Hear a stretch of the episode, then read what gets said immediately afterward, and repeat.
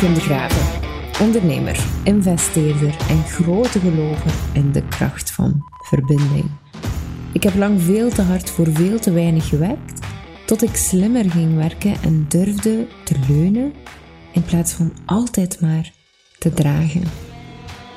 Vandaag ben ik financieel vrij en ik hoop anderen te inspireren om te groeien naar een onbegrensd leven op basis van tijd, energie en geld, zodat je de ruimte creëert voor wat er echt belangrijk is voor u. Zeg, uh, Katrien, ik had u vandaag gevraagd in de podcastaflevering omdat ik u eigenlijk enorm bewonder uh, op basis van ouderschap. Hè? Want je hebt een mega zotte bloeiende praktijk, hè, mag ik zeggen, denk ik. En um, jij bent daar ook nog eens uh, alleenstaande moeder bij. En ik, ik, ik heb heel veel klanten die um, nog steeds excuses verzinnen rond... Uh, ja, maar ik kan dat niet, want ik ben alleenstaande moeder. Of ik, uh, je kent het wel. Dus ik dus dacht... je mensen die, die zeggen van ik kan geen succesvol bedrijf hebben omdat ja. ik alleenstaande moeder ben. Ja, of ik kan gewoon mijn dromen, toekoer niet waarmaken, want ik ben alleenstaande moeder. En ik kan me voorstellen dat het, dat het moeilijker lijkt, maar ik dacht, kom, laten we gewoon even Katrien langs laten komen om daarover te praten. En wie weet krijgen ze dan ook inspiratie om toch uh, voluit te durven gaan. Dat zou heel fijn zijn, want ik denk net dat alleenstaand moederschap een heel grote uitnodiging kan zijn om te gaan kijken. Ik denk dat het altijd begint met, een, met een, een overtuiging van, of een geloof van het kan en en. Want er zijn mensen die dat doen. Hè? Dus er zijn rolmodellen die dat, die dat combineren, dus dat is mogelijk. En dan te gaan kijken um, van hoe kan ik dat realiseren. En voor mij heeft het, het moederschap mij heel erg uitgenodigd om, om toch te gaan kijken hoe kan ik dat nu op de gemakkelijkst mogelijke manier, de gemakkelijkst, dat is belangrijk, de gemakkelijkst mogelijke manier, gaan combineren. En het moest gemakkelijk zijn, net omdat ik fulltime single mom ben en er ook bewust voor kies om heel veel tijd met mijn zoontje door te brengen. En hoe, wat is dan de gemakkelijkste weg naar succes? Wat ik misschien even vertellen voor mensen die mij niet kennen. Ik ben 15 jaar onderneemster uh, en ik heb 13 jaar uh, Passion for Work gehad, een bedrijf in loopbaanbegeleiding dat ik opgericht uh, lang geleden. Ik heb uitgebouwd een bedrijf met loopbaanchecks gericht op massa, op heel veel mensen inspireren om hun droombaan te realiseren. Dus ik kom van zo'n bedrijf met 16 freelancers en heel veel klanten um, en massamarketing. En dat heb ik verkocht in 2019, dus voordat mijn zoontje geboren werd. En dan heb ik een paar maanden um, sabbatical genomen en zwangerschapsverlof genomen. En dan ben ik, mij, heb ik ben ik een nieuw bedrijf gestart, Passion for Business. En al vrij snel kwam ik het high-end business model tegen. En voor mij is dat de oplossing geworden om die twee te combineren. Mm-hmm. Misschien even vertellen wat dat high-end business model is voor mensen die dat ja, niet... Ja, goed. Bij de high-end business model ga je eigenlijk kijken hoe kan ik nu mijn kennis anders verpakken, mijn kennis, mijn expertise op een andere manier verpakken. En dat is heel interessant voor coaches, trainers, consultants, die heel vaak ofwel uurtje factuurtje werken ofwel met een programma, maar er eigenlijk veel te weinig voor vragen. En met de high-end business model ga je, de naam zegt het al, high-end werken. Dat wil zeggen, je gaat die een dienst zo verpakken en je zo positioneren dat je je richt op de bovenkant van de markt. Want in elk marktsegment heb je in elke markt heb je drie segmenten, low-end, mid-end en high-end. En 10 à 20 procent van de markt is bereid om hele hoge prijzen te vragen voor een bepaalde transformatie. Mm En die mensen die hebben meer geld dan tijd, dus daar kan je premium prijzen voor vragen. Die mensen zeggen gewoon, kijk, ik wil een oplossing voor mijn gezondheid, voor mijn relatie, voor mijn business. En eigenlijk, dat mag veel geld kosten als het maar resultaat oplevert. En dat is een keuze die ik gemaakt heb hè, door, door, de komst van mijn zoontje. Van, goh, hoe kan ik nu hele hoge omzetten halen en ook hele, hele hoge winst halen en toch heel veel tijd doorbrengen met hem en ook geen volle agenda hebben. Want als hij ziek wordt, ja, bedoel, ik heb ook een heel kleine familie, dus ik, ik kan geen zes klanten gaan bellen als die agenda... Vroeger werkte ik met zes, zes klanten per dag in mijn vorige bedrijf. Ja één dag uit. Ik bedoel, als je dan moet gaan schuiven in een week, er was gewoon geen ruimte om te schuiven. Mm Nu werk ik met een beperkt aantal klanten, met 20 klanten per jaar. die ik begeleid. Dus dat is een heel ander verhaal. Ja, snap ik. Ja. En inderdaad, ehm, dat is een beetje gelijkaardig met wat ik heb gedaan met mijn business. Ik, ik werk zowel met high-end klanten als ehm, eh, schaalbare producten. Ik werkte ook met, uh, ik had ongeveer 25 klanten per dag. Um, dus geen 60, maar 25 vond ik ook al stevig. Um, uh, en ik, ik kon dat ook gewoon niet meer bolwerken. Um, en dan ben ik echt gaan kijken naar schaalbare producten, passieve producten. Dus inderdaad, hè, je, hebt, je hebt daar wel wat, wat keuzes in en wat dat best bij je past, denk ik. Absoluut. En dat is een belangrijke van je heel erg te gaan designen. Hoe wil je leven, ook als moeder? Hè? Van welke moeder wil je zijn en wat vind je daarin belangrijk? En en welke ambitie heb je en, en, en waar kom je het best tot je recht? Ja. En daar de waarde in ook. Hè? En daar trouw. En dan kan je gaan puzzelen. Nou, en dan kan je gewoon hele mooie, hele mooie dingen doen. Ja, ja en, en werkt je alleen high-end of heb je ook uh, passieve inkomsten, schaalbare Goh. inkomsten? Um, ik, ik, werk, ik heb één programma, um, high-end, dus, dus dat is zeer simpel. Um, en ik heb passieve inkomsten, maar die zijn gelinkt aan mijn, aan mijn high-end programma. Dus ik heb ja. de auteursvergoeding. Um, ik weet niet, mensen kennen dat misschien nog niet, maar dat is toch wel zeer interessant. Ja. Dat jij een bepaald percentage van je vennootschapsgeld privé kan uitbetalen als je content creëert, als je een bepaald model maakt enzovoort. Ja, dat is tot, ik denk, tussen de 50 en de 60.000 euro per jaar dat je maximaal kan overmaken privé. Dus ja. dat waanzinnig. Ik bedoel, ik wil dat eigenlijk bijna niet zeggen, want ik denk dat als overheid... Uh, alleen bedoel, dat is volledig legaal, maar soms denk ik, ja, it's too good to be true. Hè? Dus, dus heb ik. En ik heb ook hè, IPT, VAPZ, hè, dat zijn pensioenpotjes die ik volstort met dan privé um, investeringsvastgoed mee koop. Dus ik heb naast mijn bedrijf ook nog een hele uh, vastgoedportefeuille waar ik uh, huurinkomsten van heb.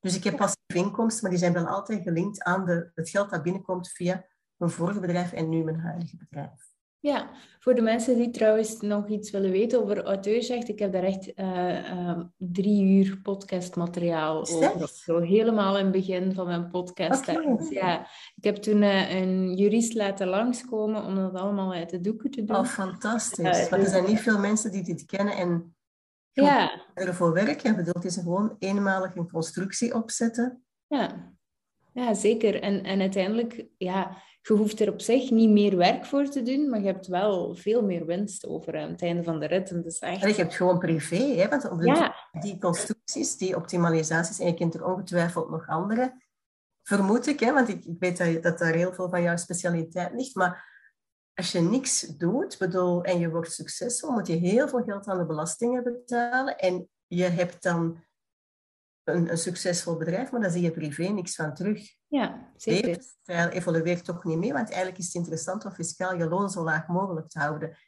Dus, dus een duur komt er zo in een spagaat van eigenlijk ben je mega succesvol, je kunt je ook zo niet gedragen en je kunt je levensstijl ook niet aanpassen. Ja. Dus je met dividend eruit haalt, maar dan betaal je ook weer heel veel belastingen op. Dus, uh... Ja, ja, en daar zijn ze nu weer aan het schroeven, heb ik gemerkt. Dus, Ja, aan de dividenden. Ja, dus ze zijn daar weer, uh, in België althans, hè, um, zijn er daar wat nieuwe regels rond aan het komen, heb ik gezien.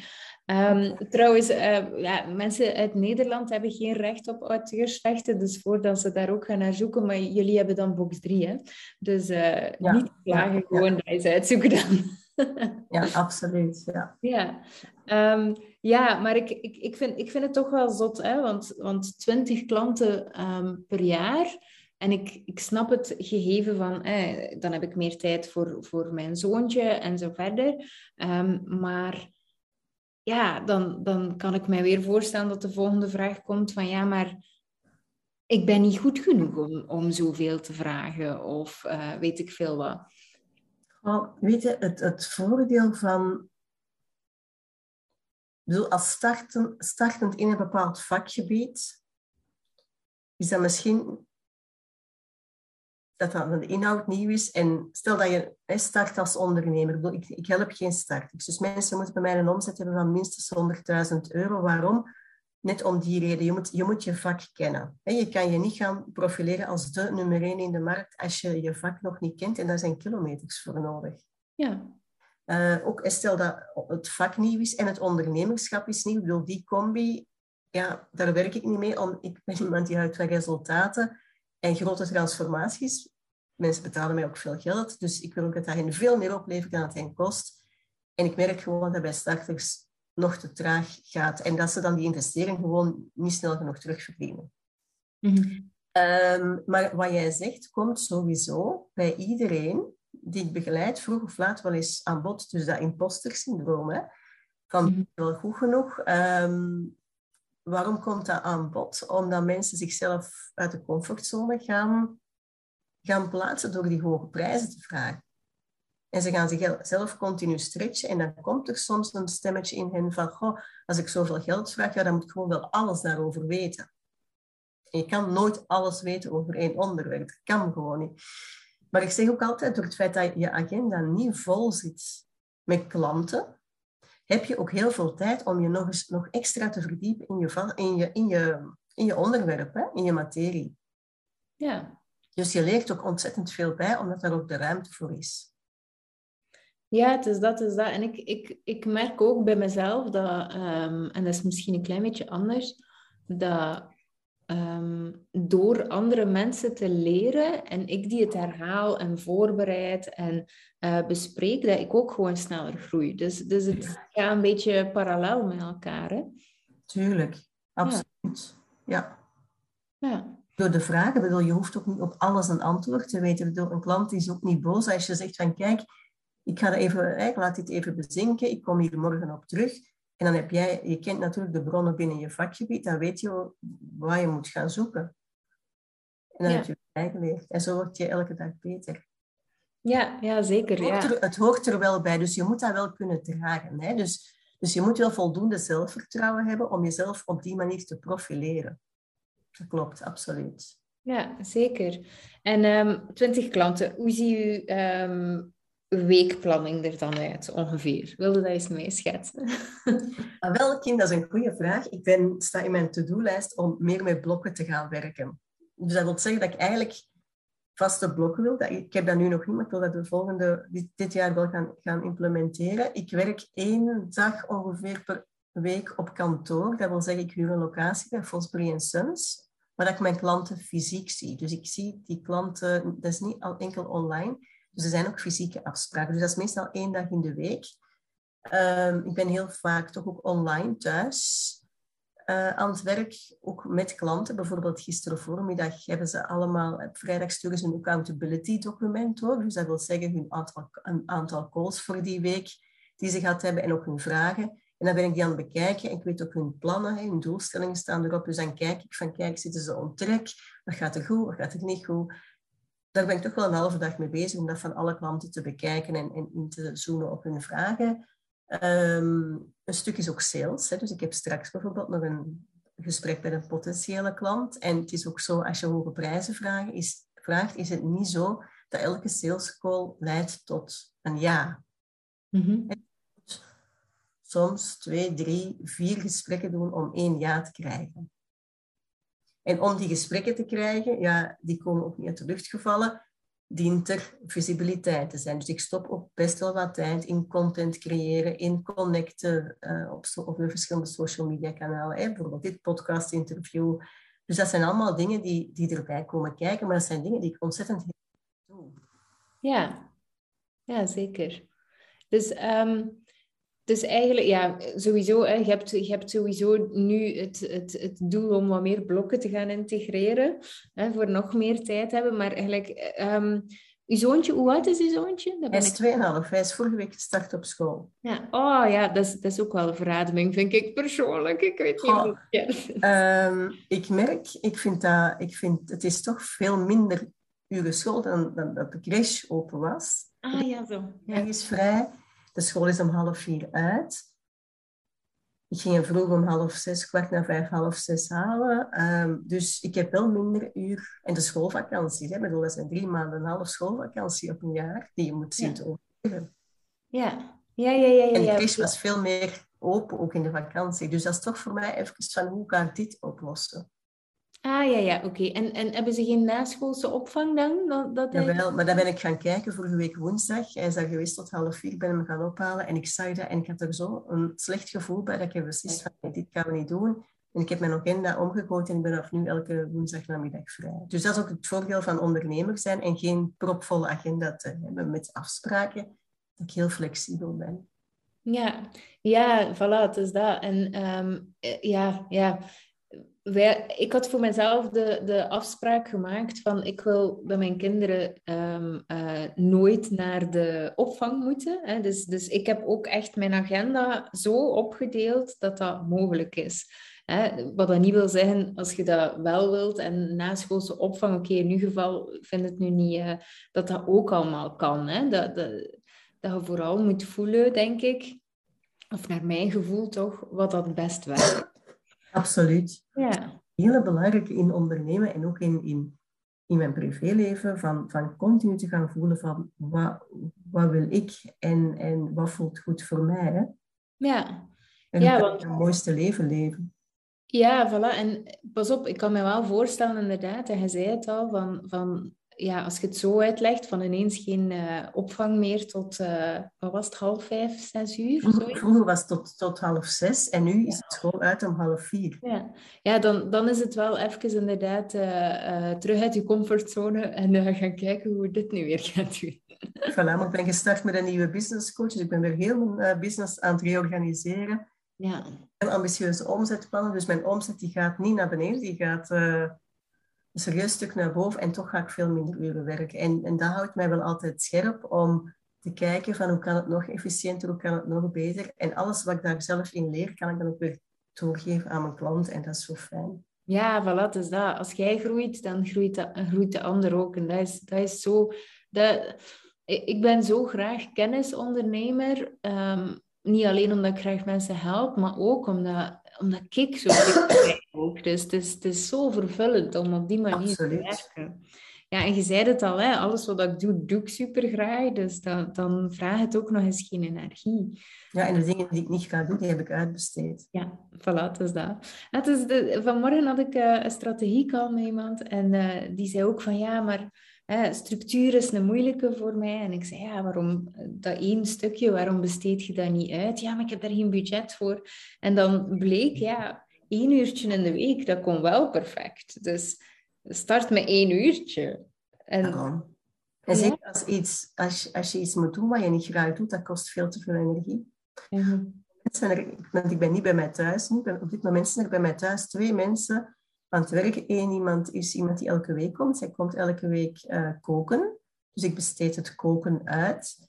En de andere persoon is een klusjesman en die doet alles in huis. Uh, die, gaat, uh, die doet het gras af, die gaat met mijn auto naar de carwash, naar de keuring. En die is nu de kamer van mijn zoontje aan het behangen. Die gaat ook een heel nieuwe badkamer installeren. Dus ik besteed wel heel veel uit. Ja, en heerlijk ook. Hè? Ik kan me, dat, dat is altijd, en ik wil daar wel eventjes iets over zeggen. Ik weet zeker dat er nu mensen luisteren die daar direct een oordeel over hebben en, en zeggen van, wow, maar ik, dat vind ik zo zalig. Um, uh, er, er was iemand um, die ik volg op Instagram en die um, uh, haar kindje slaapt s'nachts heel slecht. Uh, ik weet niet hoe dat, dat bij u zit, ik ben daar subiet wel heel benieuwd naar.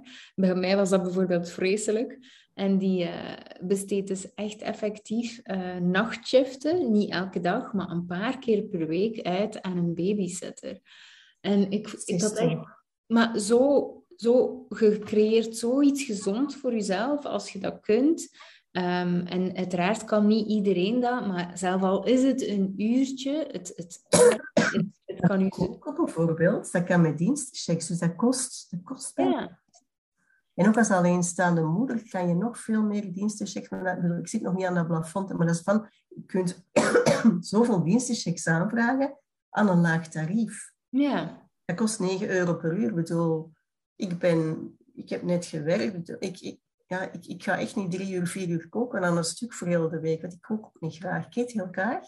Mm Zonder voeding ontzettend belangrijk, maar ik vind het niet fijn om die te maken. Daar is mijn tijd echt te kostbaar voor. Moest ik dat allemaal zelf doen, dan had ik geen succesvol bedrijf. Dan was ik een ploetermoeder. Ja.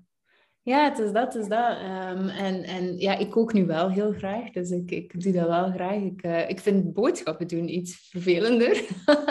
maar ja, dat kan je ook uitbesteden met dienstenchecks trouwens. Ja, ja, ja ik, uh, maar het boodschappenlijstje maken vind ik ook echt vreselijk. Dus het begint daar al mee. En één keer dat dat boodschappenlijstje af is, dan, dan vind ik het niet meer zo erg. Maar uh, dat kan ik helaas nog niet uitbesteden.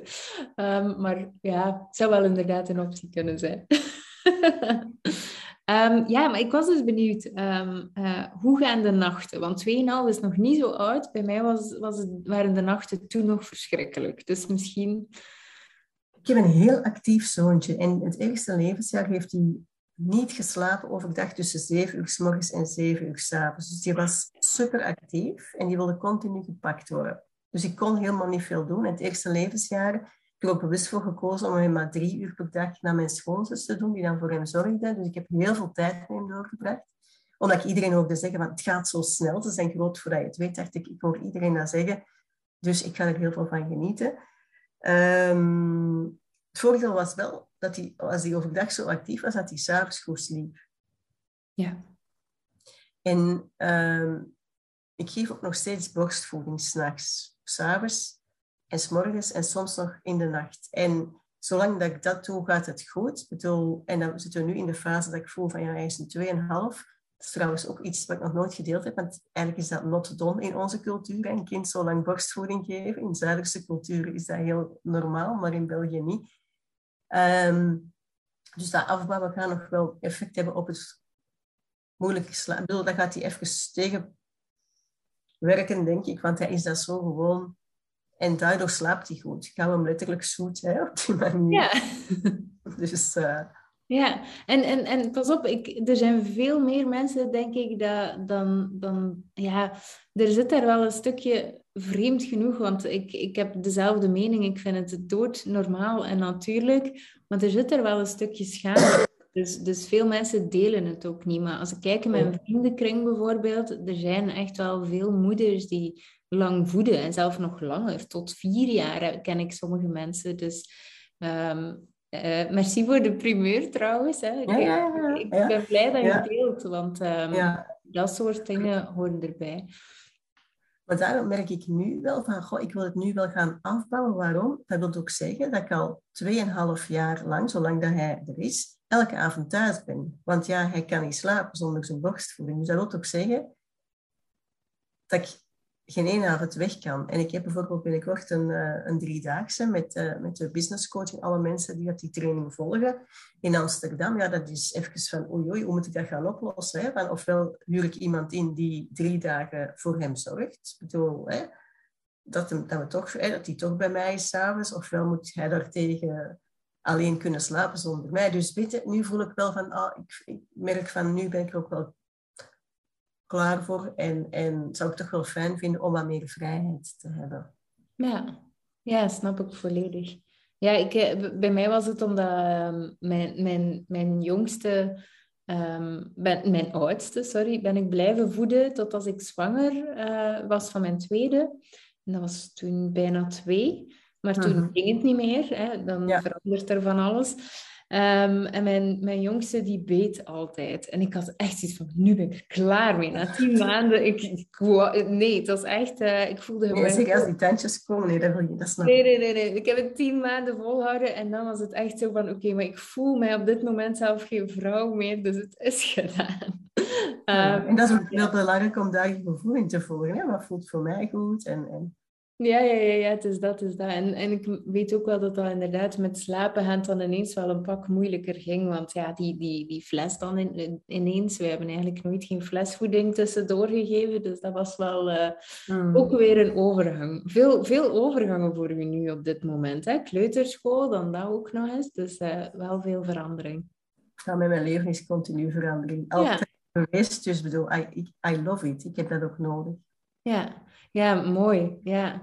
En um, uh, ik, ik, ik ga de vraag gewoon stellen. Ik weet niet of dat je ze wil beantwoorden, maar ik, ik ben nieuwsgierig, dus ik hoop dat... dat, dat... Mag alles vragen? Ja, ja oké, okay, is goed. En anders zeg je maar dat het niet gepast is. Maar ik uh, ben wel heel benieuwd um, waarom dat je eigenlijk toch nog op een maatschappelijk gezien latere leeftijd begonnen bent aan kinderen? Hoe komt het dat, dat, dat je dan toch de beslissing maakte van oké, ik wil er toch voor gaan? Ehm, dat is een goede vraag. Uh, ik, ben, ik heb altijd kinderen gewild. Dus dat is voor mij altijd van, oh, ik, ik wil dat. Dat was, dat was gewoon vanzelfsprekendheid. Dat is nooit, ik daar zelfs nooit een vraag over gehad. Um, nu, mijn moeder is overleden toen ik 28 was, door een zelfdoding. En ik heb de jaren nadien echt wel ik heb een serieuze burn-out gehad. En de jaren nadien heb ik echt nodig gehad om, om te bekomen en, en aan mezelf te werken en om te rouwen. Dus eigenlijk een tijdperk waarin dat de meeste mensen, rond die leeftijd, ik bedoel tijdperk is niet goed woord, maar een leeftijd waarop de meeste mensen bezig zijn met aan een gezin te gaan beginnen, um, was voor mij een donkere periode waarin ik mezelf helemaal opnieuw aan het uitvinden was. En het resultaat van die periode is dan dat ik gestart ben als zelfstandige. Ik heb toen ook de relatie dat ik op dat moment had uh, verbroken, omdat ik voelde, van dit, is, dit, dit, is, dit past niet hè, bij, bij wat ik wil op lange termijn. En ik had toen wel het idee van, goh, ik ben voor aan de dertig, ik zal nog wel iemand tegenkomen. Ik heb dan heel veel gedate. Maar ik heb dan ook, ik geloof dat wij op aarde zijn om onze dromen te realiseren. Dus een van mijn dromen was ook wonen in het zuiden. En ik wilde niet wachten tot mijn pensioen. Dus ik heb dan nog drie jaar in Andalusië gewoond. En ik twee jaar op Ibiza. En ik pendelde dan wel. Ik was drie weken per maand ginder en één week hier. Maar als ik dan hier was, had ik het heel druk met mijn bedrijf. Passion for Work en vrienden zien en zo. Ja, in Spanje woonde ik in de middle of nowhere in een olijfboom, ga ik heel hoog in de bergen, in een natuurgebied. En ik kwam daar niemand tegen, want ik bedoel, ik woonde heel, heel geïsoleerd. Dus, dus dat maakt natuurlijk dat een partner tegenkomen niet zo makkelijk was. Mm, En ondanks die vele dates was daar nooit iemand bij dat ik dacht van, goh, weet je, uh, dat zie ik zitten.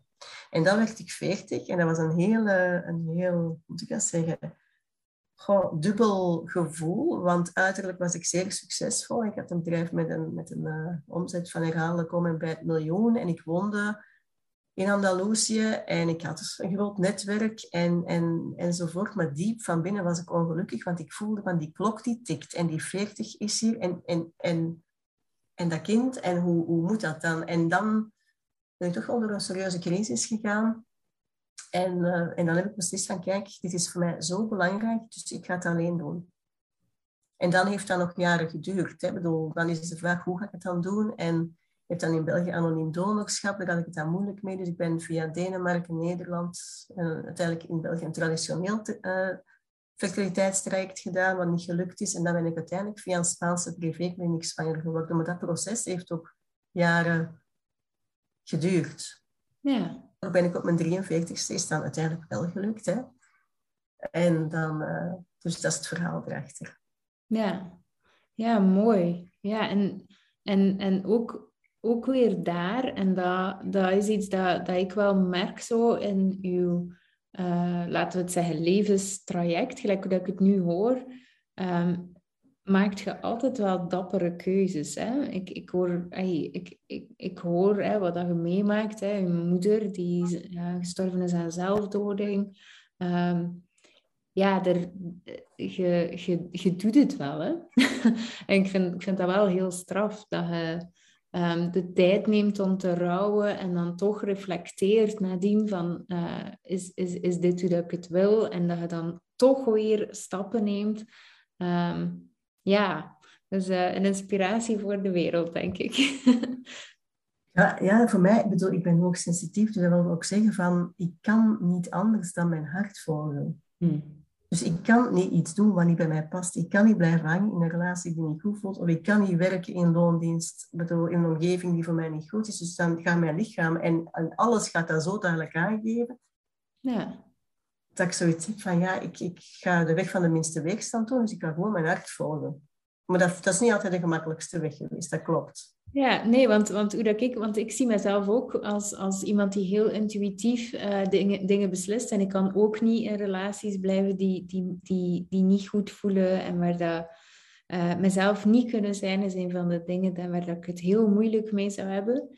Um, maar de weg van de minste weerstand is, is, eh, voelt het voor mij niet. Voor mij voelt het heel vaak als Ehm, de meeste weerstand, maar op, waar dat je dan toch op het einde van de rit, de zon komt hier door, zie je. de, de, mensen die de video zien op YouTube, die gaan nu uh, mijn gezicht volledig zien oplichten. Um, maar uh, uh, ik, ik, ik merk dat het toch vaak de, de, de meeste weerstand is net, omdat het de moeilijkste keuze is voor het makkelijkere leven. Hè?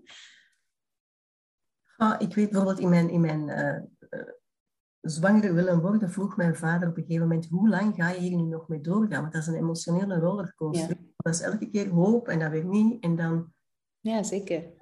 Hè? En, en ik zei altijd van, kijk, stoppen is voor mij moeilijker dan doorgaan. Dus je kunt zeggen, de weg gekozen, de moeilijkste weg, door uiteindelijk hè, naar, naar Spanje te gaan, naar een privékliniek. Maar voor mij was dat nog altijd gemakkelijker, omdat het verlangen zo groot is.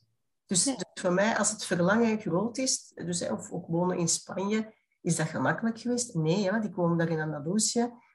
Niemand spreekt daar Engels, niemand zit te wachten op een buitenlandse hè, een vrouw die in de middle of nowhere gaat wonen. Je moet er alles regelen. Dat, is, dat klinkt allemaal heel romantisch, maar uh, ik heb voor het eerst mijn uh, vuur leren maken. En dat is een, een ruig buitenleven, want die huizen zijn ook niet, niet, niet, niet geïsoleerd. Dus, dus dat, is, dat, is dat dan heel veel weerstand. Goh, weet je, het was ook mijn verlangen om daar echt te zijn. Ja. Dus in die zin bekijk ik dat op een... Misschien, ja... Het hangt er vanaf hoe dat je er naar kijkt, hè.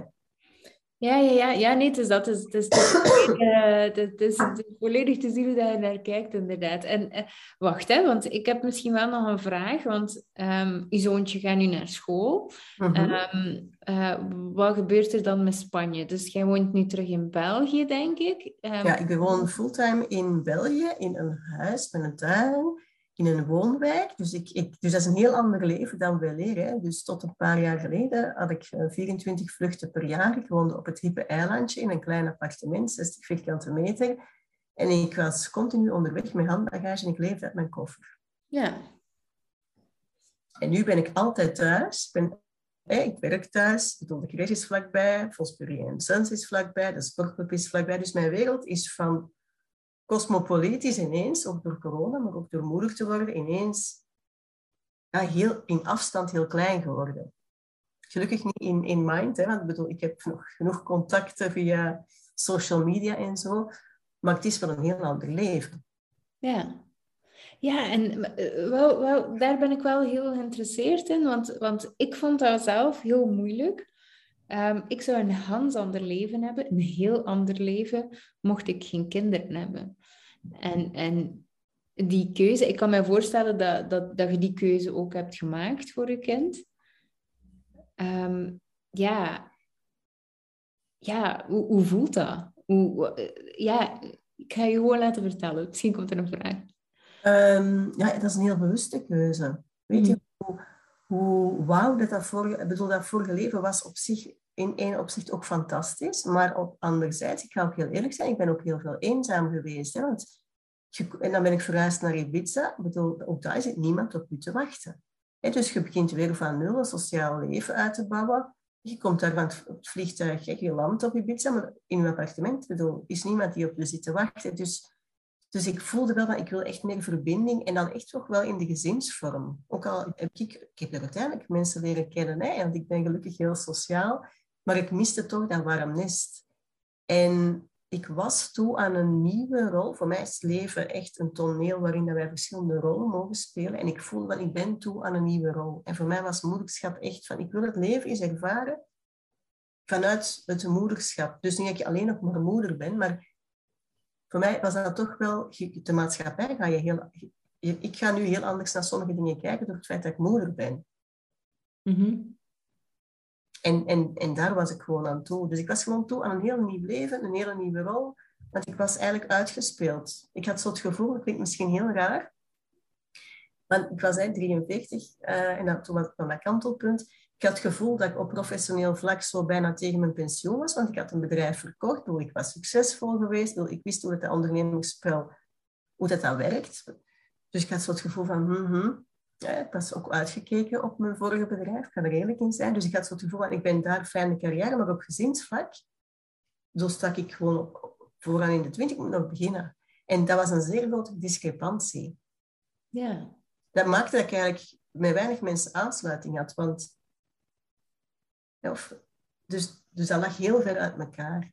En nu heb ik het gevoel van dat dat heel mooi terug naar elkaar is. Van, ik heb ontzettend veel uitdaging in mijn huidige bedrijf. En door dat moederschap is er ook een, weer een hele nieuwe wereld, ook met allemaal nieuwe contacten, opengegaan. Ja, ja, ja dat, snap ik wel helemaal zo. Um, het het uh, been there, done that. Hè. Het is nu heel uh, cru gezegd, maar uiteindelijk komt daar wel zo'n beetje op neer. En dan het, het, de nieuwe uitdagingen en de nieuwe groei die daarbij komt kijken, is, is, is wel heel uh, vervullend, inderdaad. Ja, en ik ben aan denken over...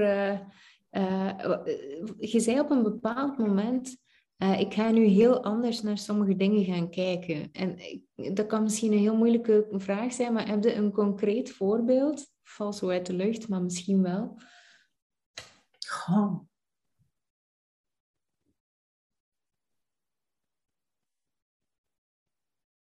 Bijvoorbeeld, um, ja, ik kon wel een idee hebben over kinderen opvoeden voordat ik kinderen had. Of wist, ik wist gewoon not at all. Ik heb zoveel respect voor, voor ouders, voor, voor mensen die in een crèche werken, voor kleuterjuffen. Um, omdat ik nu weet wat dat is, maar ik had geen idee. Dus daar ben ik heel anders naar gaan kijken. En veel meer ook vanuit mildheid. En zoveel respect voor, voor al die ouders die hun kinderen en dat allemaal combineren. En in de red race waarin wij leven, ik kon daar respect voor niet hebben, want je kan maar empathie hebben tot het niveau waar je zelf ervaren hebt. Dus dat is voor mij wel een enorme verrijking om, om daar ook veel milder in te zijn, naar anderen toe ook. Ja, ja zeker. Um, ja.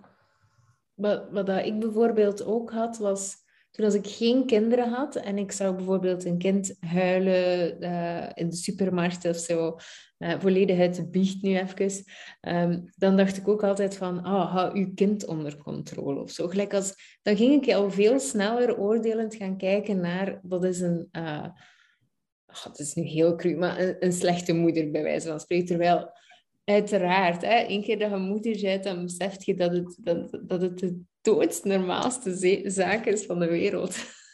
Absoluut. Ja, ja. En ik kwam er ook achter dat alles wat ik zei van ik ben puntje, puntje, puntje, en natuurlijk dat moederschap eigenlijk ja, soms 180 graden veranderde. En een mooie, mooi voorbeeld is, ik, ik heb vroeger aan wielrennen gedaan, dus ik had een racefiets. Ja, ik heb die verkocht toen ik moeder werd, want ik zag mij niet met een baby op een racefiets. Dus ik dacht, ik verkoop die maar. En ik heb nu zo'n een hele degelijke moederfiets. Het is een hele mooie, maar zo met een bak vooraan hè, en met zo'n kinderstoeltje. denk ik, ja, dit is eigenlijk een hele mooie belichaming van de metamorfose.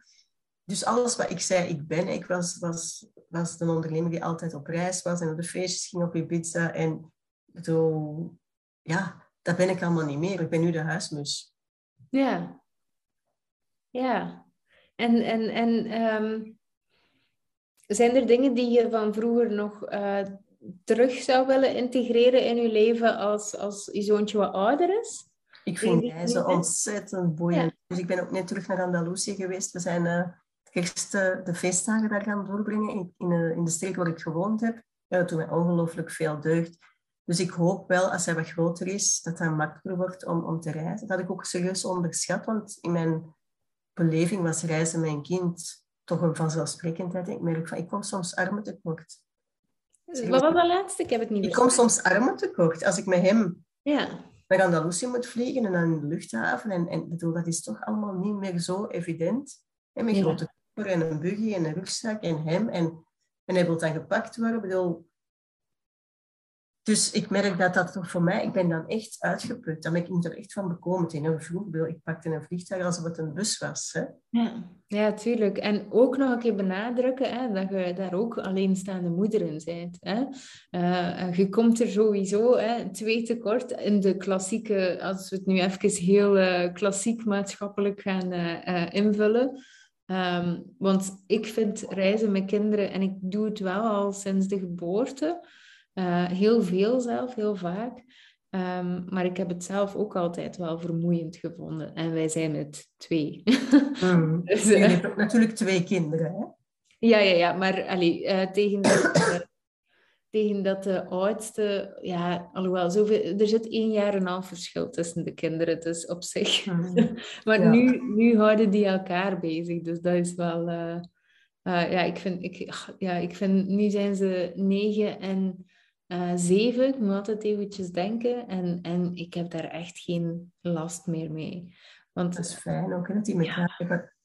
Ja, het is, wij, wij zitten nu, uh, wij moeten een week quarantaine doen, omdat ze hebben net de regels veranderd, net voordat we op het vliegtuig van Mexico gestapt zijn. Dus wij moeten nu een week quarantaine. Um, ja, het is wat het is. Maar ik kan die, die podcast hier opnemen met u. De kinderen zitten hier naast te knutselen. Ik, ik, ik, het, het is zo makkelijk, die leeftijd. Hmm. En fijn dat ze elkaar hebben. Ik had heel graag meerdere kinderen gehad, maar ik heb ook beslist uh, ja, dat, dat zie ik echt niet zitten. Ik bedoel, en dat is misschien ook limiting belief, maar ik ken toch ook wel intussen de grenzen van wat ik kan. Ik denk, ja, dat gaat mijn leven wel echt heel complex maken. Ook al kan je heel veel uitbesteden, maar ik had zoiets van... Ik had het graag gehad, maar ik, uh, ik ga het niet doen. Ja. ja, kan ik mij ook wel voorstellen. En uh, in, in een ideale wereld, ik wou eerst geen kinderen, echt niet. Uh, dan wou ik er heel graag vier. En bij het tweede besefte ik dan van, oké, okay, nee, het is echt genoeg. Dus soms is het gewoon genoeg. Uh, ja, ik, ik, ik, vind, ik vind het... Ja, ik vind op zich het moederschap wel iets heel moois. Um, maar het, het, ja, ik, ik hoef er echt niet nog meer zorg. En ik wil, ik wil meer ruimte voor... Je verliest ook, toch, vind ik, altijd een beetje ruimte voor jezelf. Um, uh, en ik wil wat ik nu heb voor mezelf. dat snap ik helemaal. Ja, ja. ja en um, ik, ik heb misschien nog een vraag. Um, uh, op dit moment, um, uh, zijn je nog altijd op zoek naar een partner? Of hebben ze iets van, nee, het is prima zoals het is? Ik ben er niet naar op zoek geweest de afgelopen 2,5 jaar. Ik, zoiets had. ik ben dan ook verhuisd. ik heb een huis gekocht. Dat bleek vol verborgen gebreken te zitten. Dus ik heb een rechtszaak open. Ik heb daar heel veel nog werk in gehad, terwijl het eigenlijk het gekocht had als een, zijn een volledig gerenoveerde woning. Ik had drie uur opvang per dag. Ik was een nieuwe business gestart. Dus ik had zoiets van, weten... Snap ik. Ruimte voor. Ja. En nu voor 2022 heb ik het besteld aan de universe. Ah, echt? Dus je zei dat aan het manifesteren nu. ja, dus het is nog maar begin januari. Dus uh, who knows? Ja. ja. ja. dat, dat vind ik echt wel super leuk ook zoiets. Want het, um, het, het manifesteren van, van relaties uh, is iets wat ik super interessant vind ook. Uh, en, Heb je daar een programma over? Dan koop ik het een uh, nee, ik, ik, ik, ik, ik, zie mezelf niet als expert van manifesteren. Maar in het membership hebben we in, in mei of in juni een, een maand over relaties.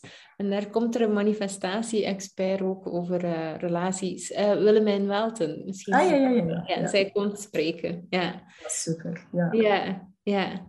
Volgt je daar ook coaching rond? Of heb je zoiets van, nee, ik doe het zelf nu? Ik heb dat, ik heb dat in het verleden gedaan, hè, rond mijn veertigste. Bedoel, en zeer exclusieve coaching en zeer dure coaching. Um, uiteindelijk heeft, ik zeg niet die coaching niet goed was, maar... maar um, ik merk zo, hè, gaan daten met een kinderwens en een biologisch tikkende klok, dat toch echt, echt niet evident was.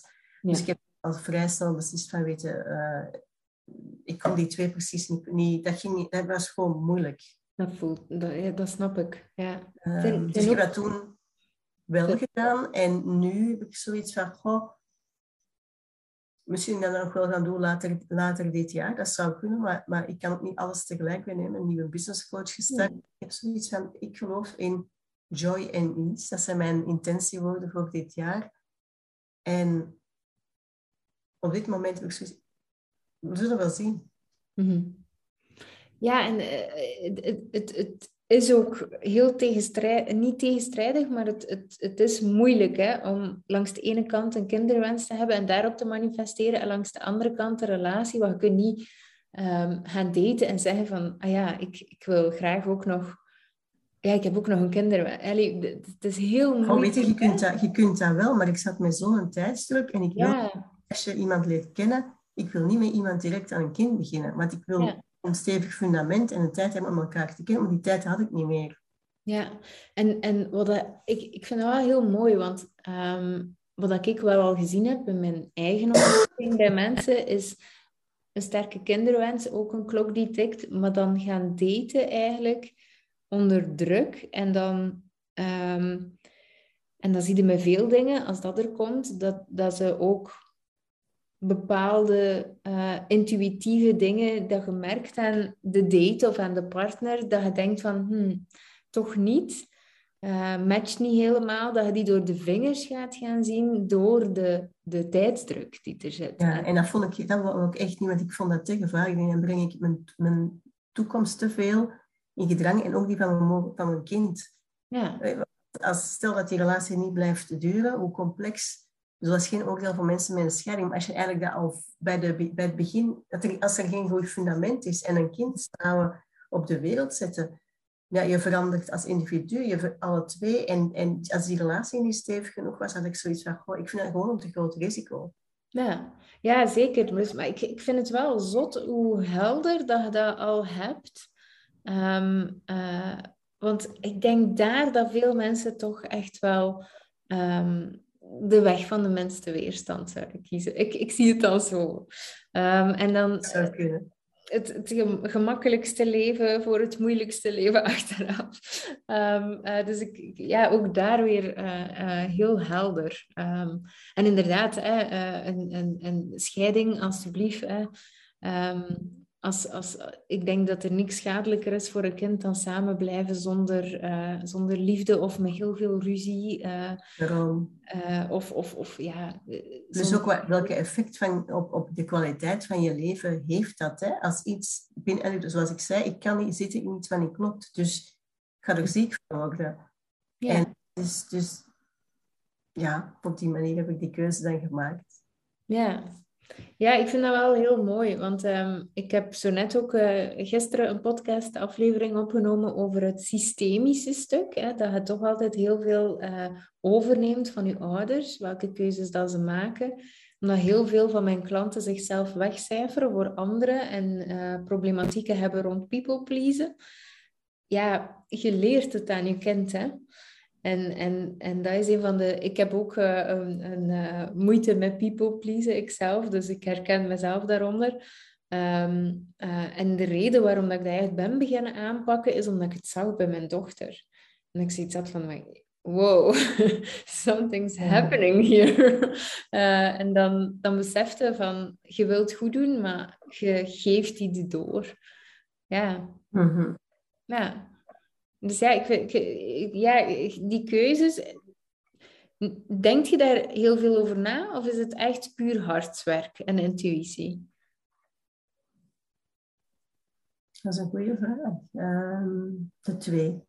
Ja.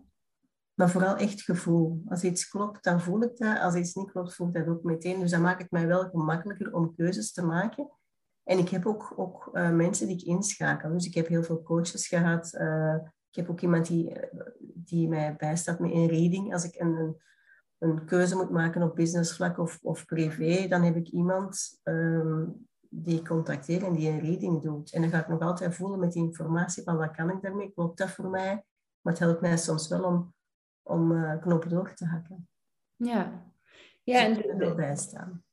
En, en eh, ik kan me voorstellen ehm, dat de mensen op het traject, of de coaches die je op dat moment eh, volgt of, of eh, inschakelt, dat die u ook niet zeggen, want eh, even voor de duidelijkheid voor mensen die luisteren, dat die u ook niet zeggen, ah, je moet dat doen, maar dat die u eerder vragen stellen, klopt dat? Mhm, Zodat jij zelf tot het juiste antwoord kunt. mhm. Ja. Ja, of die gewoon ook praktische mogelijkheden gaan, gaan opperen. Ja. Bijvoorbeeld, ik liep daar heel erg tegenaan tegen dat stuk van niet-anonimiteit, eh, of anonimiteit van donorschap. En die mevrouw van die reading, die zei, ah, ze woont in Nederland, ze zei, ah, maar Denemarken en Nederland heeft heel andere wetgeving. Dus dan ben ik in Nederland en in Denemarken gaan kijken. Dus soms is het ook gewoon praktische informatie. ja. Mag ik vragen waarom dat je daar eh, moeite mee had? Of, of... Omdat ik zoiets had uh, van, goh, stel dat mijn, mijn kind uh, ooit vragen heeft. Ja. Waar kom ik vandaan? Dan, dan moet ik het antwoord schuldig blijven. En die vragen gaan komen. Ja. Dus, dus, dat vond ik wel heel moeilijk. Dus ik heb dat proberen te vermijden. Uiteindelijk is het niet gelukt, want in Spanje was de wetgeving ook niet zo.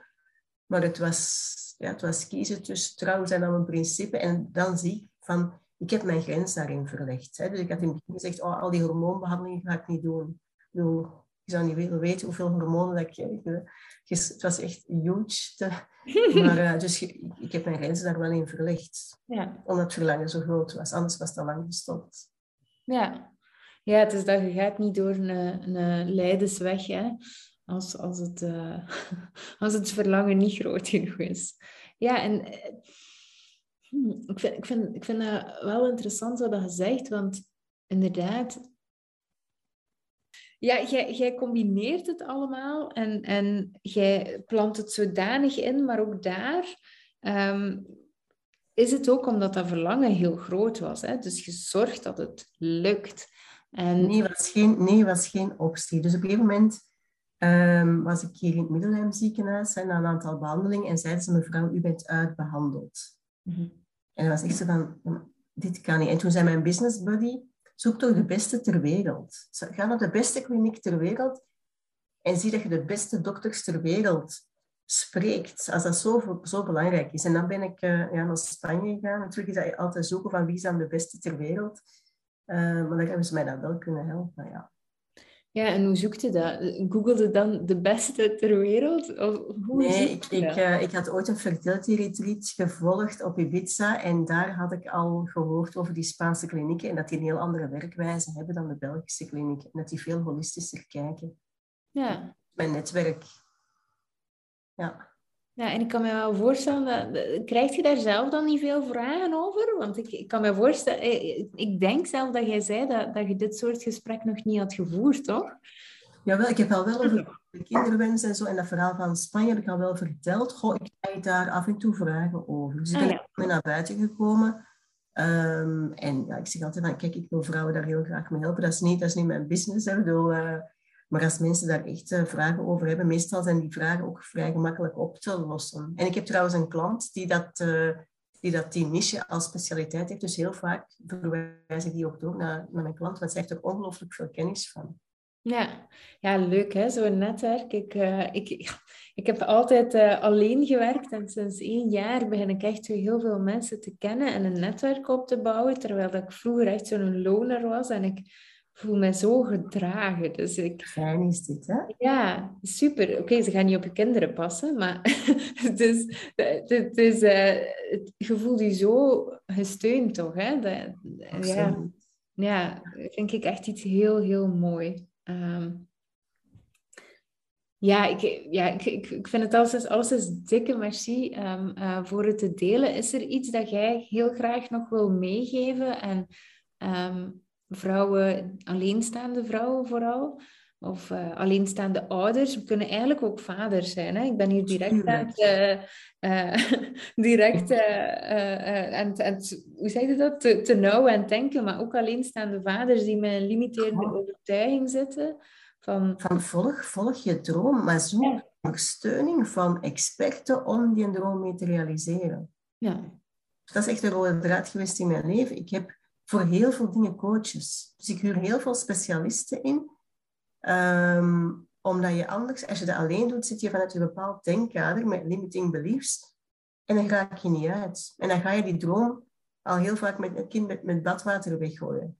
En niet trouw zijn daaraan en dan leef je het leven van iemand anders. Of, of, of een goedkoop aftreksel van wat het zou kunnen zijn. En dat is gewoon een gemiste kans. Want er is zoveel mogelijk. Ja, kan ik alleen maar bij aansluiten. Zo voel ik het ook.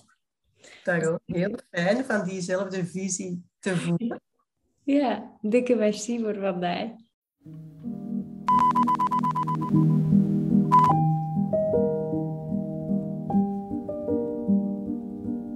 Bedankt om deze podcastaflevering helemaal uit te luisteren. Zijt je concreet geholpen? Super. Deel dan op Instagram, vertelt mij wat je grootste inzicht was van vandaag of abonneert u zodat je geen enkele aflevering meer mist. Wilt je heel graag met mij werken? Dat kan. Ik heb een membership. Het noemt Freedom Adapt. En je vindt het onderaan in de show notes of je kunt het vinden op kimdegraven.be slash adapt. Zo gaan we nog dieper in op het thema onbegrensd leven op basis van tijd, energie en geld.